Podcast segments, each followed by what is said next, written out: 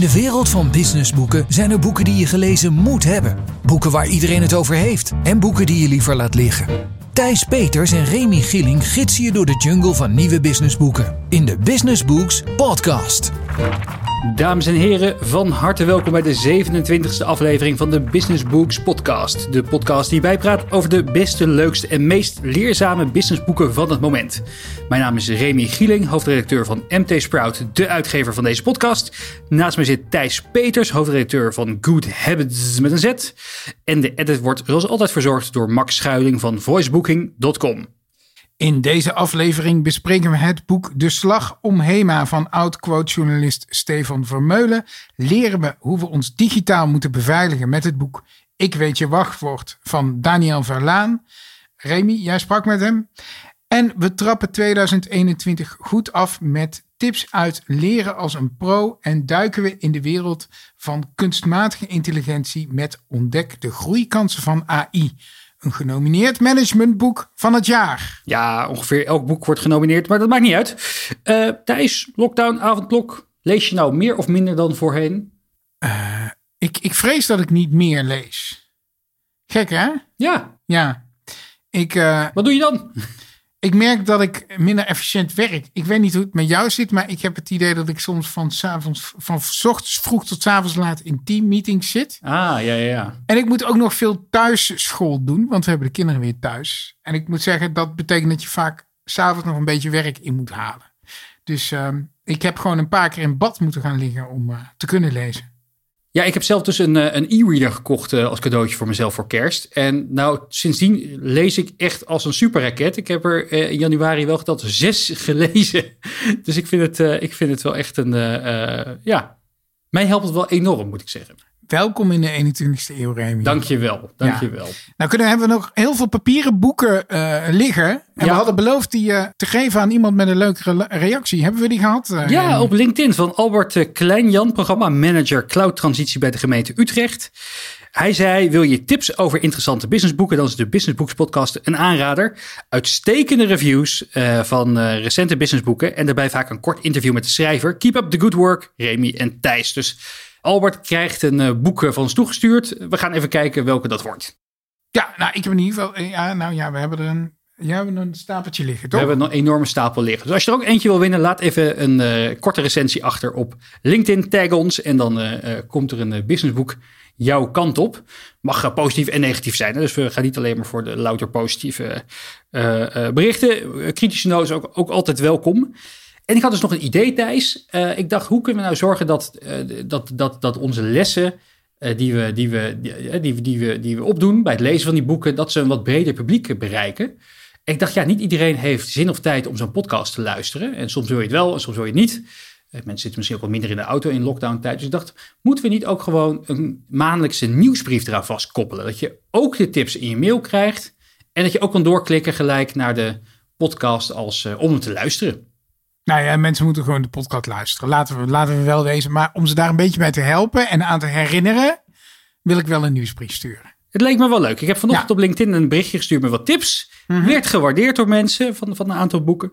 Dus laten we dat doen. Uh, maar ik ben ook wel benieuwd wat de luisteraar daarvan vindt. Ben je voorstander of tegenstander? Lijkt je het leuk, nieuwsbrief? Om eventjes ook in, uh, uh, gewoon, in je mailbox een paar tips te krijgen. Stuur dan eventjes een berichtje. Kan via LinkedIn. Mag ook per mail naar remy.mtsprout.nl.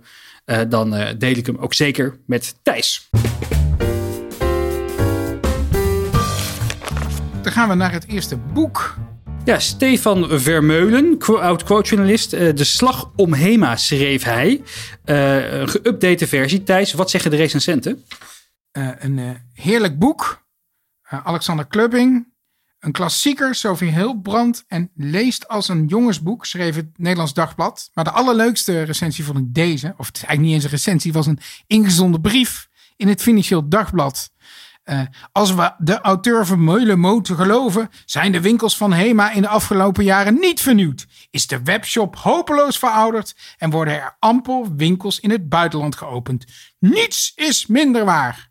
Arnold Drijver, hoofd Corporate Communications, Hema. Ja, bij en, van WC Eend. Ja, en deze, deze brief is trouwens uit, uh, dat zal ik zo even uitleggen. De eerste druk van dit boek stamt al uit 2018. En het FD heeft toen eigenlijk heel veel geschreven over de teleurgang van de HEMA destijds. En uh, uh, de HEMA was zo boos op het FD, die overigens echt alleen maar dingen heeft geschreven die allemaal bleken te kloppen natuurlijk. Maar dat is meestal zo bij een kwaliteitskrant. En zeker bij het FD wel. Maar dat FD-journalisten niet meer naar persconferenties mochten, geen uitnodiging krijgen en zo. Je kent het werk. Je hebt het boek gelezen. Uh, wordt gezegd dat het een soort jongensboek is. Klopt dat ook? Nou, het leest in ieder geval als een trein. Het is echt leuk om te lezen, maar ook natuurlijk omdat we allemaal een gevoel hebben bij HEMA. 2014 is er nog onderzoek gedaan. Toen zei 75% van de Nederlanders: de HEMA is onmisbaar. Ik kan niet zonder de HEMA. Waarom koop ik anders een fluitketel? Dat zegt misschien wel wat. Niemand heeft meer fluitketels nodig. Maar iedereen heeft een gevoel bij, heeft er een mening over. En iedereen, geen Nederlander voelt zich te goed om bij de HEMA te kopen. En dat, het eerste deel van het boek gaat echt over hoe HEMA groot werd. Hoe ze uh, van eigenlijk een, in voor de oorlog een hele slimme, uh, die eenheidsprijzen, goedkope winkel, toch goede producten, dagelijks producten. Maar wel een winkel voor het volk. Uh, als je chic was, kwam je echt niet bij de HEMA. Daar wilde je, wilde je niet komen. Tot de crisis uitbrak voor de oorlog. Toen kwam in in, mocht je ook als rijk iemand bij de HEMA komen. En dat hebben ze volgehouden. De HEMA was gewoon oké. Ook als je geld had, kon je naar de HEMA. En het was een hele typische winkel die altijd goed zorgde voor een personeel. En een uh, winkel met een hele Duitse Joodse cultuur. Hè? Tot in de jaren negentig staat er in het boek. Als er dan uh, iets te vieren was, gingen ze een klesma-dansje doen en zo. Weet je wel, dat, dat zat heel erg diep in, in, in dat bedrijf. Wat natuurlijk voortgekomen is uit de KBB, dus uit de Koninklijke Bijkorf. Die was er eerst. En die, die hadden, de directeur daarvan die had bedacht... we moeten ook iets goedkopers voor de gewone mens. Nou, heel mooi verhaal dat het allemaal groot werd... tot de eerste keer private equity instapte, KKR. Je hoort het wel vaker, maar daar ging het echt mis. Nou, het ging pas echt mis toen Lion Capital, de volgende, want ze zijn in handen van private equity gekomen. En weer een private equity partij. Ze hebben daarvoor nog wel het vastgoed eventjes verkocht, toch? Ja, dus, dat was de oude truc dat je je vastgoed verkocht. En dan, de winst in je eigen zak ja, en dan ging je je winst, uh, uh, de, de, die ging je dan weer terug naar de aandeelhouders. De, ja. En, en dan het bedrijf moest zich helemaal de blubber werken om de huren te kunnen betalen. Om de huren te kunnen betalen. Hè. Dat was een beetje in de KBB-tijd. Of, of, toen gingen ze samen met Vendex. Toen ging dat mis. Toen zijn ze uiteindelijk door Lion gekocht. En die zei, nou, we gaan investeren in uh, HEMA en het gaat goed komen. Maar dat bleken dus ook gewoon weer van die Lons, Londense snelle jongens... die maar op één ding uit waren. En dat was zoveel mogelijk geld uit het bedrijf te persen. Ja, ze hebben, die hadden uh, niks met rookworstjes. Nee, ze hebben... HEMA gekocht voor 1,1 miljard. Maar via een investeringsfonds, waar allemaal pensioenfondsen uit Amerika geld in hadden gestoken. Ja, en met de, de lening werd ook gelijk op de, op de balans gezet. Werd meteen op de balans gezet. En de, de HEMA is uiteindelijk bijna ten onder gegaan aan die enorme rentelast. Je koopt eigenlijk jezelf. Het is een maffe, maffe constructie. Ja, ja. En, en de rest van de tijd ben je, ben je bezig met aflossen. En Ronald van Zetten, oh ja. dat was de topman, Mr. Hema, die had allerlei ambitieuze plannen. Was ook, als je het leest ook, het was soms een onmogelijke man, maar wel iemand met hart voor de zaak, met goede plannen. En die heeft gewoon jarenlang moeten boksen. En vaak deed hij een beetje stiekem toch wat investeringen, toch een weekendje, een winkeltje in Frankrijk openen. En dan had hij het huurcontract al getekend. En dan konden ze bij Lion durven ze geen nee meer te zeggen. Want er lag een verplichting. Terwijl ze eigenlijk hadden gezegd, je mag nergens in investeren. Dat is, dat is een leuke man. Een man naar mijn hart. Een leuke man. Maar die hebben ze uiteindelijk toch ook een stuk gekregen. Omdat ja, je kon bijna niks investeren. En uh, nou, wat er gebeurt. Action werd groter. Zeeman werd groter. Die hebben helemaal allemaal ingehaald. Het bedrijf is totaal, uh, nou ja, door die schuldenlast bijna omgevallen. En toen kwam Marcel van Boekhoorn. Die redde het bedrijf. En zo eindigde het boek uh, in, 2018, in 2018. ja. ja. Toen eindigde het boek. Marcel Boekhoorn, de man achter Bakkerbart hè, en Telfort, uh, Nederlandse miljardair. Uitgever, volgens mij ook de eigenaar van de voetbalclub NEC. Echt een, een... Ja, hij heeft ook nog een. Uh, dat hij, het zat wel geestig. Hij heeft zo'n dierenpark. Het Ouwans Dierenpark in Renen heeft hij. En zijn kantoor zit boven het apenverblijf. En hij kan dus met een klein luikje in de vloer van zijn kantoor. kan hij de gorilla's voeren. Echt waar? Nou ja, ja het is natuurlijk ook een beetje... Dat, is, dat is Marcel Boekhoorn. Het is natuurlijk ook de, de, het, het is de aap boven op de apenrots. Dat is Marcel. Nou, letterlijk, ja. ja. Ja, Hij vindt het ook heel leuk om op te scheppen uh, over uh, zijn vriendin Tatjana Simic. Oh, ja, ooit, zijn ex geloof ik. En andere blonde stoten, dat hij daar dan in Vegas mee was. Hij helemaal trots uh, en slim. Hij heeft HEMA gekocht voor 70 miljoen. Terwijl ooit voor 1,1 door Line was gekocht. Dus je ziet, daar had hij een, of een mooie deal. Uiteindelijk was hij met lening van 115 miljoen kwijt. Nog wel even zeggen dat Lion er zelf niks op verloren heeft. Hè. Die, die mensen van dat fonds die zijn om het schip ingegaan. Uh, maar uh, uh, Lion zelf heeft gewoon elk jaar managementfees opgedragen. Ja, die, die, die, ze zorgen goed voor zichzelf. Ja, ze hebben niet, ze hebben niet de klappen gemaakt die ze wilden. Maar goed, iedereen dacht alles goed was. En het laatste deel van het boek gaat eigenlijk hoe die, die, die slimme boekhoorn outsmart wordt. Ja, uiteindelijk toch aan de kant werd gezet. Hij maakt een hele domme fout. Op een gegeven moment heeft hij alle plannen. Ze gaan de bakkerijen verkopen. En hij moet, eigenlijk moet hij een lening van 50 miljoen, 54 miljoen moet hij aflossen. Anders dan is, klopt de schuldratio bij HEMA niet meer. En dan mogen de schuldeisers mogen HEMA, uh, wordt het automatisch van hun, mogen omzetten in aandelen. Uh, maar Marcel denkt van ja, moet ik er nou nog 50 miljoen in steken? Weet je, ik wacht wel even tot we de bakkerij hebben verkocht. Totdat uh, het nieuwe project over leukere producten, weet ik veel, even tot dat loopt. En dan komt het allemaal goed. Dus hij doet dat niet. En hij denkt dat komt wel goed. Maar dan uh, zien van die investeerders, die zien dat. En die denken, hé, hey, als ik nu HEMA-obligaties, staatsschuldpapier op ga kopen. En, die, en, en hij blijft in gebreken, HEMA blijft in gebreken, dan word ik eigenaar. En dat is dus precies wat gebeurt. Marcel die denkt, nou die, die lening is niet zo belangrijk. Hij laat dat verlopen en op dat moment wordt HEMA van de schuldeisers. Hij heeft nog wel echt met mannenmacht geprobeerd om dat tegen, te, tegen te houden. hard lopen onderhandelen, maar uh, het, het, lukt niet. Hij heeft nog allerlei dingen geboden. Maar het, uh, het, het, hele ding valt om en de schuldeisers trekken HEMA naar zich toe. En hoe, hoe eindigt dit boek? Want uh, ja, eigenlijk komt er waarschijnlijk over twee jaar een volgende, volgende editie uit. Nou, Boekeren heeft verloren. Maar toen kon hij het weer kopen. Want de schulden werden gesaneerd. Allemaal, de, de, de, de schuldsaneerders waren de baas. Maar die wilde natuurlijk weer van HEMA af. Dus die wilde het weer verkopen. En uh, er komt er een, een, eh, een aantal kopers. Ahold, die al vaker uh, HEMA wil kopen. Die, die praat heel even, maar die haakt snel af. En dan komt de Jumbo-familie. Met Robert van der Wallen van Parkom. De man van Brand Loyalty. En Boekhoorn weer, met z'n drie. Nou, wij gaan het weer kopen. Dus Boekhoorn wil via de achterdeur gewoon weer lekker Toch weer meedoen.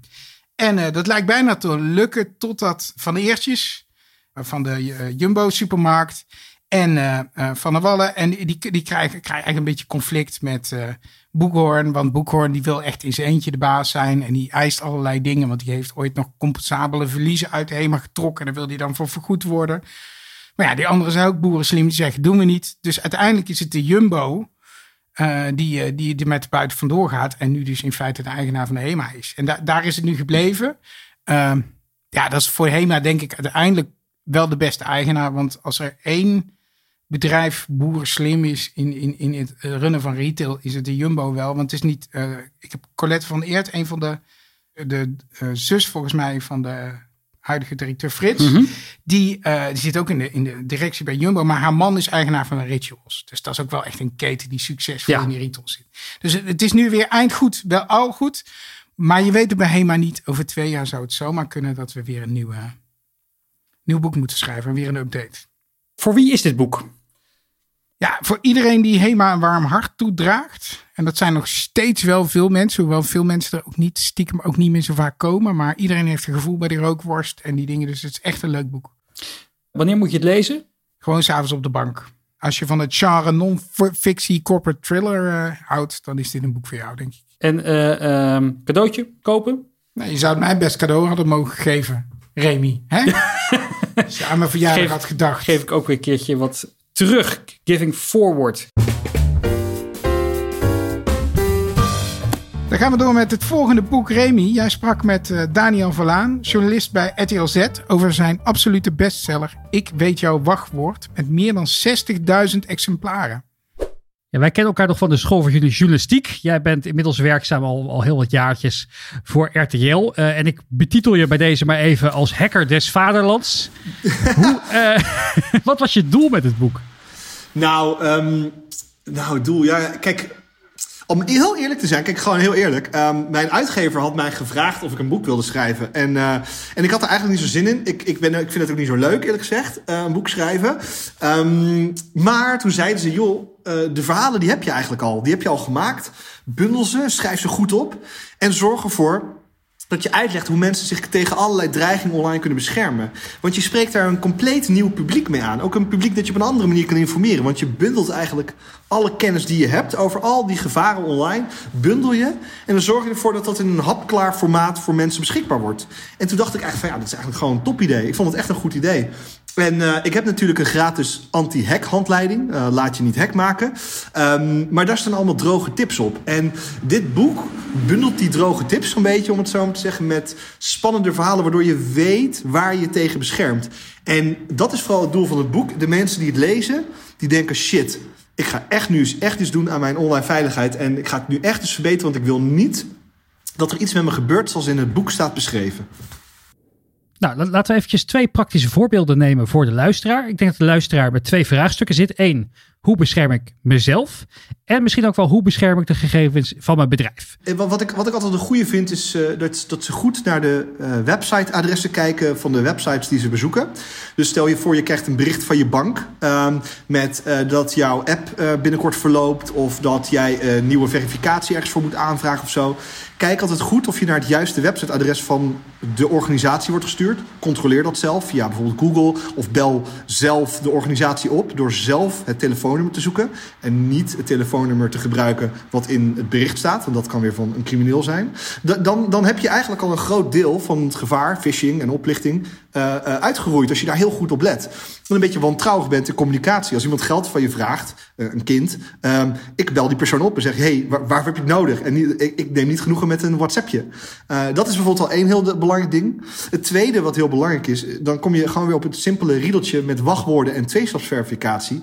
Um, unieke wachtwoorden, of in ieder geval wachtwoorden die voor sommige diensten veranderen. Dus je e-mail is vooral het belangrijkste. E-mail is toegang tot eigenlijk alle uh, diensten die je hebt. Dus dat wachtwoord moet echt super veilig zijn. Bankieren zou ik er ook zeker bij scharen. En dan een wachtwoord voor je social media. En een wachtwoord voor, uh, weet ik veel, voor uh, je webshops. Dat kan ik nog. Maar in ieder geval dat er een onderscheid is. Dus als die van Bob.com lekt, het wachtwoord, dat die niet kan worden misbruikt om in te loggen op jouw bankieren of je e-mail. Dus dat is ja, alvast je... heel belangrijk. En wat je beschrijft is dat je eigenlijk ook uh, eigenlijk best wel goed wachtwoordzinnen kan bedenken. Dus heel veel mensen hebben een, een, een, woord met een paar cijfers en een speciaal teken. Ik noem maar wat, uh, boek, boeken, boekensteun 88 uitroepteken.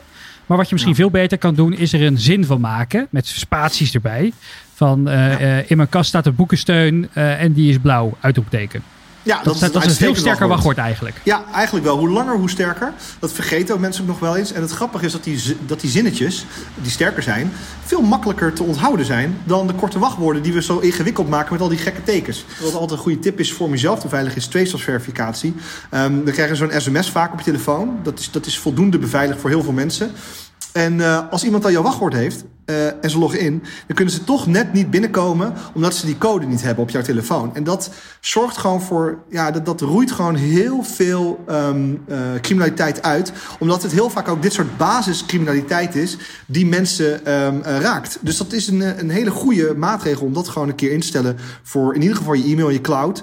En het liefst ook voor je social media. Um, en, en andere. Ja, ik, ik heb het vooral voor social media en mijn cloud. Maar je foto's, Dropbox, documenten. Ik, ik kom nog heel vaak bedrijven tegen die inderdaad dan uh, uh, gewoon standaard. Uh, iedere freelancer die aanklopt, de volledige Dropbox in handen geven.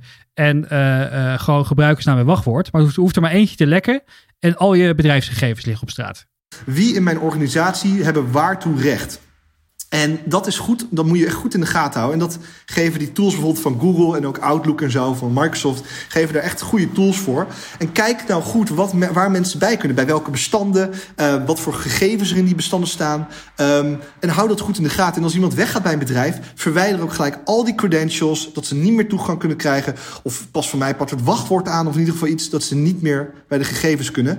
En als laatste zou ik nog een goede tip willen geven is, als je gegevens verstuurt via e-mail, en het zijn privégegevens. Kijk echt ontzettend uit. En er zijn veilige oplossingen om gegevens te versturen. En kijk, het ligt aan puur aan de gegevens, maar er zijn heel veel manieren om die gegevens veilig te versturen. Um, ik vind zelf KPN File Transfer, dat is een dienst van KPN met end-to-end encryptie, die vaak na één keer downloaden ook het weer wist. Dat is een relatief veilige manier om wat gevoelige gegevens te versturen soms. Ik kan me voorstellen dat je soms even een datasetje ergens voor nodig hebt of zo. Dit is, dit is overigens een algemene tip, dus ik zou het zeker niet uh, uh, voor alles gebruiken. Zeker niet. En stel het vooral af uh, met je privacy officer als je die hebt. Maar ik kan me voorstellen dat dat een, een fijne oplossing soms kan zijn. En kijk ook vooral uit met de zogeheten CC-fout. Dus zet niet al je e-mailadressen van al je klanten of weet ik wat allemaal. Ik zie nog vaak voorkomende zorg dat er even een psycholoog mailt naar alle medewerkers of alle cliënten van zijn praktijk. Joh, ik ben dan en dan op vakantie en je ziet precies wie er ook daar zit. Kijk er alsjeblieft mee uit, want het is gewoon ook allemaal een datalek.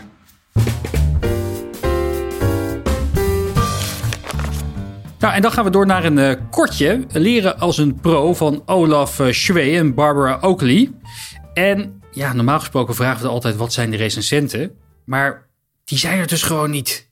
niet ook niks op bol.com, niet op managementboek. Dus ik dacht, nou, dit, uh, dit, dit best wel dunne boekje verdient wel een beetje liefde. Ja, nou dan mag jij als eerste aan jou de eer om te vertellen waarom we dit boekje dan moeten lezen. Nou, misschien even handig om eventjes uit te leggen wie de auteurs zijn. Want ik, ik had er nog nooit van gehoord. Die Olaf Waar heb je dit boek vandaan? Hij kwam op straat gevonden. Business Contact, lag opeens oh, op kantoor. Oké. ja. En die Olaf, die is dus een, die heeft, die, die, die, die, die, ja, die is een Noor. En die heeft dus een boek geschreven, Superstudent. Ik kende het niet, maar het was een internationale bestseller. 18 talen werd het vertaald. En die Barbara Oakley die geeft heel toepasselijk eh, les aan de Oakland University. En uh, ze ontwikkelde een van de populairste cursussen op, uh, op Coursera, zo'n e-learning platform, moet jij kennen. Ja, dat ken ik wel. ja, ja. Learning How to Learn. En die werd door meer dan 3 miljoen mensen ja, ze zeggen gevolgd, maar we weten allemaal, als 3 miljoen mensen hem hebben gekocht, dan hebben er misschien drie mensen daadwerkelijk hem afgerond. Uh, maar goed, het zijn dus wel mensen uh, die, uh, die iets, iets te vertellen hebben. En ehm, ik was eigenlijk een klein beetje in het begin een beetje ambivalent over het boek, omdat het eigenlijk een, weer, weer een enorme herhaling van zetten is. Weet je wel, eigenlijk alle tips en trucs uit focus, uit grip, uit getting things done, uit deep work. Grip op je aandacht, Steven van de Stegel, alles komt weer een keertje uh, Wat fijn dat je die nou niet bij mij hebt gedumpt. ja. dat je gewoon zelf aan de slag bent gegaan met het boek. Ja, nou, ja, dank. Ja, graag gedaan. Ook, ook een cadeautje. Uh, uh, dus ik was een beetje, be, beetje, beetje, beetje teleurgesteld. Maar toen dacht ik ook, ja, het is ook alweer ergens een, een, een prima opfriscursus. Dus ik dacht, ik haal er gewoon even een paar tips uit dan, uh, dan kunnen mensen zelf uh, bedenken of, ze dat, uh, of, of het iets voor hun is. nou, eigenlijk allereerst begint het boek weer met, met de alombekende Pomodoro-techniek. dus 25 minuten focus, 5 ja, minuten ja, pauze. Hem. En dan gaat je kookwekker af. Ja, doe, dan... je, doe je het nog steeds? nee, want het is van, als, je, als je een boek schrijft of zo, of als je, als je één taak, taak hebt, of ja, als je het studeren bent of een artikel, een lang ja. artikel schrijft. Maar ja, als, als je de hele dag aan het regelen en doen bent, en dan heb je allemaal korte sprintjes en dan werkt het niet. Nee, nee. ik probeer het te doen. Ik had zo'n Chrome plugin geïnstalleerd, maar ik heb er ook te veel dingetjes. Er komt er weer iemand door die belt over een redactieklusje of whatever. Ja, ja, dat is het idee, dat je dan je telefoon uitzet. Ja, oh ja, ja precies. Ik moet het gewoon beter doen. Ik, ik, ik, ik, hoor het al. Het tweede is, vind ik wel een leuke. Uh, kijk, heel veel mensen die zijn natuurlijk de hele dag door, staan ze aan. Uh, ze hebben continu, uh, zitten ze achter hun laptop, zitten ze op de wc, daar hebben ze hun telefoon erbij, gaan ze een rondje wandelen, gaan ze een beetje whatsappen. Het boek zegt eigenlijk heel duidelijk, het is heel erg belangrijk om ook in de dwaalmodus te komen. Dus je hersenen zonder afleiding in de vrije loop laten gaan. Want dan gaan die uh, hersenen uh, die verbindingen leggen met elkaar. Als je alleen maar de hele dag door gefocust bent, uh, dat is eigenlijk helemaal niet goed voor je, voor je, voor je cognitief vermogen. En Hans Jansen, onze vriend van de show, had laatst een leuke blog geschreven op LinkedIn. En die noemde dit de wet van de spons. Dat hij dus ook altijd heel erg ergens over gaat nadenken. En dan ook soms een uur of langer gaat wandelen. Voor, uh, voor wie is dit boek? Ja, het, is, het heet ook hè, Leren als een pro. Het is eigenlijk bedoeld voor studenten, hè, op welke leeftijd dan ook. Dus nou ja, als je kinderen hebt, is het, uh, is het, uh, zou ik het hun zeker aanbevelen. Had ik het twintig jaar geleden maar gehad. Wanneer moet je het lezen? nou, ruimschoots voor je tentamens. Want het staat ook, hè, je moet even op tijd beginnen. Een dag van tevoren gaan leren heeft echt geen zin. dus als je weet dat de kids een tentamen gaan krijgen, een maand van tevoren dit, uh, dit, dit boekje cadeau doen. Een dag van tevoren. Ik ging dan dit, dit boek dan een dag van tevoren lezen. Als een soort ultieme poging om mijn leven weer te veranderen. Ja, maar dat lukte dan niet. Ja, het, is, het, is, het is een beetje die, die ouders die roken, die hun kinderen vertellen: je moet niet roken. Ja. Eh, Cadeautje kopen. Ja, het is echt een cadeauboek. Dus ik zou het niet zelf kopen, tenzij je dat echt, eh, echt eh, niet meer weet waar je het moet zoeken qua op, op, op, op het gebied van leren. Maar een cadeautje voor mensen die nog niet zo vol kennis hebben opgedaan als jij, is het perfect. Ja, dan gaan we naar het laatste boek. Eh, geschreven door een meneer Remy Gieling. Ontdek de groeikansen van AI. Starten en groeien met kunstmatige intelligentie. Ja, Wat zeggen de recensenten? een toegankelijk en leuke spoedcursus op het gebied van AI. Ben Tichelaar. Ook een beetje vriend van de show. En onmisbaar voor toekomstbestendige bedrijven. Helene van Oort, ondernemer en investeerder. Ik dacht ook van ja, bespreken. Dat is toch een beetje, wordt een beetje gênant. Dan ga ik hier zitten ja. vertellen eh, wat, wat, eh, wat ik er allemaal niet goed aan, aan vind. En dan zie jij hier een beetje rood te worden. Dus ik wilde jou eigenlijk even wat vragen stellen. Gewoon hierover. dat is even serieus. Even, even En dan, ik geef later wel even duidelijk mijn mening wat ik van het boek vind. Oké. Maar waarom heb jij dit boek geschreven? Voor wie? Nou, eh, zoals je weet heb ik een, een, een fascinatie voor kunstmatige intelligentie. We zijn ietsjes jonger van elkaar. Ik heb begintijd van het internet toch al meegemaakt dat je moest inbellen via een dial-up modem en dat je moest zoeken via ilse.nl. Maar eh, ik was nog veel te jong om mee te krijgen dat je eh, wat daar echt de, de, de impact van het internet was op de samenleving, op de bedrijven. En ik heb nu met de komst van kunstmatige intelligentie dat nu het echt op het moment van het opstijgen staat, het idee dat ik een soort tweede kans heb gekregen, dat er opnieuw dat ik nu eindelijk bewust kan meekrijgen hoe onze eh, maatschappij de komende tien jaar echt gewoon radicaal gaat veranderen. En ik wil zeg maar die kennis die ik het afgelopen jaar heb opgedaan daarover mensen meegeven. Nou hebben we heel veel eh, boeken over AI gelezen de afgelopen jaren. Ik vind het ook heel mooi, ergens in je boek staat een tiplijstje. En eh, nou, zijn heel veel boeken die we ook in de podcast Ja. besproken hebben. Hè? Van eh Live 3.0 zit erin. Eh, maar we hebben heel veel van die boeken besproken. Ook, ook die van Jim Stolze. En toen dacht ik, waarom nog een boek over AI? Want er is de laatste twee jaar heel veel over verschenen. Ja. Ook heel veel introductieboeken. Waarom, wat ga jij, heb jij toegevoegd met dit boek? Nou, wat je ziet is dat heel veel boeken gaan bijvoorbeeld enerzijds over het theoretische vlak. Max Tegmark die schetst in zijn boek Life 3.0 echt een vergezicht van wat kan er de komende 40 jaar allemaal gebeuren. Andere boeken zijn vaak heel erg gefocust op technische aspecten.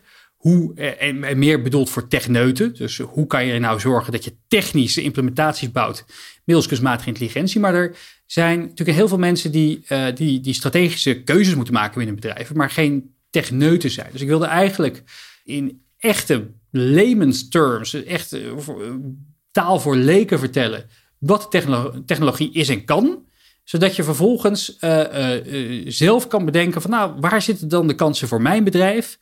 En even helemaal wegblijft bij dat, bij dat vlak van, van, oh ja, maar hoe moet ik dat gaan ontwikkelen? Want daar heb je altijd wel andere mensen voor die je daarbij kunnen helpen. Ja, wat ik heel sterk vond aan dit boek is die interviews die je hebt gedaan met een aantal bedrijven. Blue Kid, Parkbee, Seedlink, eh, Picnic, eh, om er een paar te noemen. Wat vond je het leukste interview? Wat, wat heeft je het meest verrast vanuit AI-perspectief? Oh, dat is een leuke vraag. Ehm, ja, dus, dus onze boek is altijd opgedeeld in dat stuk theorie, stukje praktijk. Ja, En die praktijkinterviews, eh, welke ik bijvoorbeeld heel erg leuk van, was, vond, was met eh, Daniel Gepler van, van Picnic. Die noemt zichzelf ook echt een AI-first bedrijf. Eh, Echt wel een, een groot, eh, groot eh, ja, bijzonder bedrijf voor Nederlandse begrippen. Eh, en Rina Joost vond ik bijvoorbeeld ook heel erg leuk van Seedlink. Zij heeft eh, haar bedrijf ooit gestart in, de, in China, waar, waar, je, ook eh, toegang hebt tot heel erg veel data. En zij kan dus met hele slimme algoritmes bepalen van een bak sollicitanten wie waarschijnlijk het beste gaat presteren binnen jouw bedrijf. En zeg maar de manier hoe zij dat doet en hoe, hoe ze dat heeft aangepakt, namelijk door niet zozeer te kijken naar cv's, maar naar geschreven taal. Dus ze kijkt hoe, hoe communiceren de best presterende mensen binnen jouw team op, eh, op, eh, op het schrijfvlak. Hè? Hoe communiceren ze? Die matcht dat tegen eh, het, het, het, het, het, schrijf, eh, de types ja, schrijven van sollicitanten. En kan dus op basis daarvan bepalen wie waarschijnlijk succesvol gaat worden. Dat vond ik echt een briljante oplossing. en eh, we, we hebben af, afgelopen jaar heel veel over AI gelezen. Heb jij, je hebt echt een deep dive gedaan. Je weet er nu meer van dan ik, ben ik bang. Eh, eh, ben je nog anders tegen AI aan gaan kijken? Nou, toen ik dat boek Life 3.0 las, uh, ik denk ook wel anderhalf jaar geleden, toen was het heel erg Nee, over. 2,5 al. 2,5, ja, dat Ja. was toch wel weer. Ja, het ging heel erg. Een van de eerste die we besproken, misschien wel trouwens. Ja, dat zou wel kunnen. Ja. Ja. Het ging heel erg over, over, over superintelligentie. En over hè, wat nou als de computer slimmer wordt dan de mens. En wat heeft dat voor implicaties? eh, als, hè, worden, we dan worden we allemaal slaaf van het algoritme? Of, of weten we het onder controle te houden? En ehm, wat, wat eigenlijk uit al- alles blijkt, is dat de huidige eh, eh, staat van, van de technologie. eh, we hebben, is gewoon niet geschikt om ooit superintelligentie mee te creëren. Dus als we al zou dat er ooit komen, dan moet er een heel nieuwe vorm eh, van, van een hele nieuwe techniek worden ontwikkeld. Want het is een leuk voorbeeld. Eh, eh, een bedrijf heeft laatst een robothand geleerd om een Rubik's Cubus op te lossen. En daar was zoveel energie voor nodig dat je de kerncentrale in Borselen zes uur lang van kunnen laten draaien. Nou ja, dan moet je bedenken hoe, hoeveel energie er nodig is om een, om, om, om een computer een, een lastige rekensom en tegelijkertijd een symfonie van Mozart te laten componeren. Dus superintelligentie is echt een vergezicht. En we gaan de komende jaren vooral echt eh, zien dat hele saaie taken eh, voor ons worden Ja, vooral geautomatiseerd. machine learning en hoe dat direct toegepast is. Wat, wat ik wel heel leuk vond te lezen, dat zat een paar keer in je boek. Je hebt geluk, je hebt tijdens corona geschreven. En dat corona heel veel van die, zo'n zo'n picknick-algoritme, dat helemaal is afgestemd op de verkeerssituatie zoals die zich normaal ontwikkelde. Ja, Ineens is die totaal anders in corona. Eh Parkbee, die, waarbij je parkeerplaatsen verhuurt. eh, hè, eh, als bedrijventerrein kun je dan parkeerplaatsen verhuren, toch geloof ik. Als je Ja. parkeerplaatsen over hebt, kunnen mensen dan op intekenen. Dat is ook door corona totaal. is dat hele, die hele algoritmes zijn ineens weinig meer waard. En dat vond ik wel een relativering eigenlijk van die. Ja, ja, ja, het kijkt altijd naar het verleden. Als er dan iets, iets, iets is wat, wat, hè, wat, wat, wat niet volgens het gebruikelijke patroon is, dan raken die systemen in de war.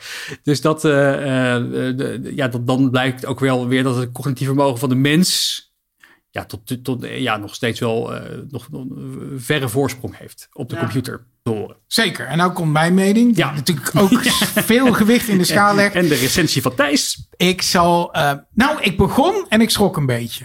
Maar dat kwam eigenlijk door degene die je voorwoord had uitgekozen. Ik snap wel dat je de baas van Philips Nederland vraagt. En de man doet veel met AI. Maar het is geen schrijver. Laat ik het heel kort zeggen. Eh, hij was vol lof. En pas naarmate ik jouw voorwoord had gelezen en in het boek kwam, dat ik ook, nou snap ik waar die lof vandaan komt.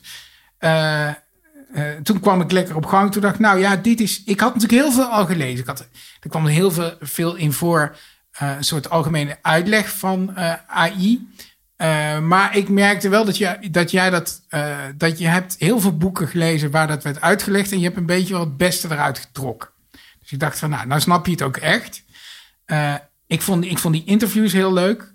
maar ook die stappen en die tooltips. Want ik dacht, waar inderdaad, waar het altijd bij schort, bij al die AI-boeken is leuk. Nou weet ik wat AI is. En ik heb een bedrijf. En, nu, weet je. Dan zijn we alweer aan het eind gekomen van de aflevering. Tips from around the web. Heb je nog iets, ben je nog iets tegengekomen, Thijs? Wat je denkt van, nou, dat moeten de luisteraars eh, zien, weten, horen. Maar ik weet niet of ik het de vorige keer al gezegd had. Maar we hadden natuurlijk laatst natuurlijk die bestorming van, de, van het Capitool en zo in Amerika. is natuurlijk eh, een mooiere live televisie hebben we lang niet gehad. Eh, maar dat is natuurlijk cynisch bedoeld, hè, dat snap je.